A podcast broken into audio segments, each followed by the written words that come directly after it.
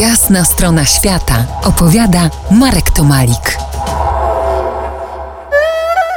Kontynuujemy podróż po Azji Południowo-Wschodniej. Gdzieś tam w górach i u stóp potężnego Mekongu żyją spokojni Laotańczycy. Zazdrośnie obserwowałem ten spokój i zastanawiałem się, jak na to zapracować. Ich zmysły wyostrza religia, buddyzm Theravada, który prowadzi do poziomu wyzwolenia od osobistego cierpienia, między innymi przez zanegowanie wszelkich autorytetów. Nie wierz mądrym księgom tylko dlatego, że są one mądre. Nie ufaj swojemu mistrzowi tylko dlatego, że jest mistrzem. Ucz się na swoich błędach i sukcesach, a będzie ci się żyło łatwiej, szczęśliwiej. Tak w największym skrócie można zawrzeć ten buddyjski fenomen spokoju szarych obywateli komunistycznego wciąż państwa gdzieś nad Mekongiem w dalekich Indochinach.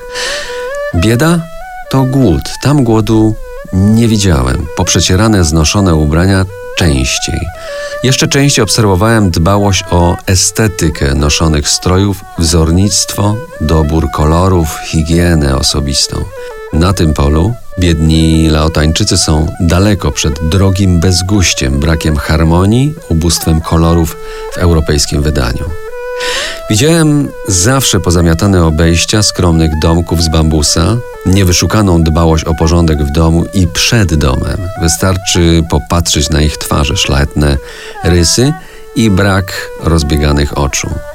I nic dziwnego, że nikt w tym kraju mnie nie oszukał, nie okradł, nie naciągnął na złoty interes, bo przecież i tak e, byłem jestem przejazdem. I w razie wsypy nie będę przecież dochodził swoich szkód. Odkryłem dla siebie kraj ludzi uczciwych, którzy gdzieś tam za siódmą górą, za siódmą rzeką żyją według najprostszej zasady gwarantującej szczęście. Czyń dobro bliźniemu jak sobie samemu, a ta karma wróci do ciebie.